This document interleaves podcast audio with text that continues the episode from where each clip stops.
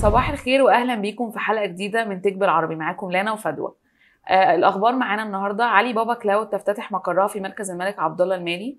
شركة كارت السعودية تجمع تمويل بقيمة 3.6 مليون ريال سعودي. بنك الائتمان لإعادة التنمية بيستثمر أكثر من عش... من 21 مليون دولار في صندوق تونسي لدعم الشركات الناشئه كوكا كولا و Crypto.com يتعاونان لإطلاق مجموعة رموز رقمية مستوحاة من كأس العالم. الخبر الأول معانا افتتحت شركة علي بابا Cloud الصينية مقرها في مركز الملك عبد الله المالي بالرياض وده بعد فترة قصيرة من إطلاق خدماتها في المملكة. رسميا تم إطلاق خدمات الشركة السعودية للحوسبه السحابية اللي أسسها كل من علي بابا Cloud ومجموعه STC والشركة السعودية للذكاء الاصطناعي والشركة السعودية لتقنية المعلومات وده بيجي كتتويج لاختيار علي بابا Cloud ذراع التقنية الرقمية والذكاء الاصطناعي لمجموعة علي بابا للمملكة كمركز إقليمي لعملياتها في منطقة الشرق الأوسط. الخبر الثاني معانا من السعودية وننتقل لقطاع الشركات الناشئة شركة كارت بتجمع 2.6 مليون ريال في جولة استثمارية بمشاركة مستثمرين ملائكيين. شركة كارت هي متخصصة في توصيل الطلبات ومقرها في الرياض وجمعت تمويل بقيمة 2.1 مليون ريال سعودي اللي هو بما يعادل 700 ألف دولار أمريكي في أول جولة استثمارية ليها. الشركة تأسست سنة 2022 على إيد محمد أبو رمانة هاني بدوي ومحمد القدسي. والشركة بتقدم خدمات توصيل الطلبات عند الطلب عبر منصاتها الإلكترونية وتطبيقها على الهواتف الذكية وبدأت بالفعل عملياتها التشغيلية في المدينة المنورة. الاستثمار هيساهم في تطوير عملية التشغيل للشركة والشركة بت بتعزم إن هي يكون ليها تأثير في قطاع توصيل الطلبات اللي بينمو بشكل متسارع في المنطقة من خلال دعم التحول ومواكبة التطورات السريعة في الكفاءات المتواجدة في فريق عملها بجانب استقطاب كفاءات ذات خبرة في القطاع. الشركة بتهدف لتغطية فئات من العملاء ما بيتمش خدمتها في الوقت الحالي. أشارت الشركة كمان إنها بتتيح توصيل الطلبات بعدد من الوسائل الحديثة قليلة الانبعاثات الكربونية وده بيخليها أول شركة توصيل طلبات محايدة كربون وده في سبيل عملياتها للمساهمة في تحقيق رؤيتها للمملكة 2030.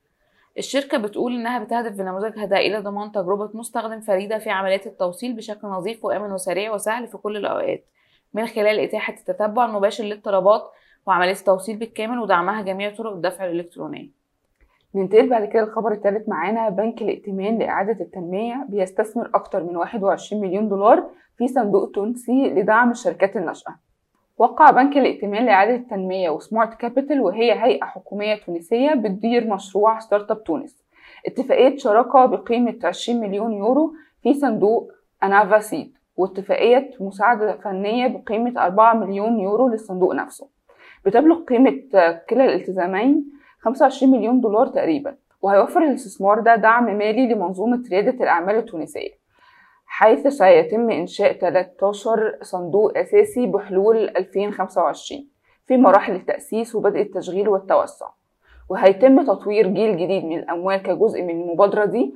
بيبلغ حجم صندوق أنافا سيد 30 مليون دينار تونسي وبيستثمر فيما يصل إلى 90 شركة ناشئة في مرحلة مبكرة. خلال فترة الاستثمار اللي بتبلغ خمس سنوات. كمان هتساعد الأموال المتاحة للمساعدة الفنية في بناء Smart Capital وزيادة مواردها وتعزيز أدواتها لإدارة أموالها المالية. آخر خبر معانا كوكا كولا و Crypto.com بيتعاونوا لإطلاق مجموعة رموز رقمية مستوحاة من كأس العالم. بتضم مجموعة Piece of Magic 10000 رمز رقمي فريد من نوعه واللي هيتم تصميمها بناء على الإنجازات لكل فريق في البطولة على أرض الملعب. هيتم تطوير المجموعة بواسطة فنان الرموز الرقمية واللي عنده أكتر من 20 سنة خبرة في المجال GMUNK واللي هتكون متاحة على منصة Crypto.com للرموز غير القابلة للاستبدال. ودي مش أول مجموعة تم إصدارها متعلقة بكأس العالم حيث بدأ ظهور رموز كتير بتركز على الفعالية العالمية دي واللي تلقت إقبال كبير من مشجعين كرة القدم حول العالم. وبكده نكون وصلنا لنهاية حلقتنا النهاردة. أتمنى تكونوا استمتعتوا بحلقتنا النهاردة ونشوفكم في حلقة جديدة بكرة من برنامج تك بالعربي.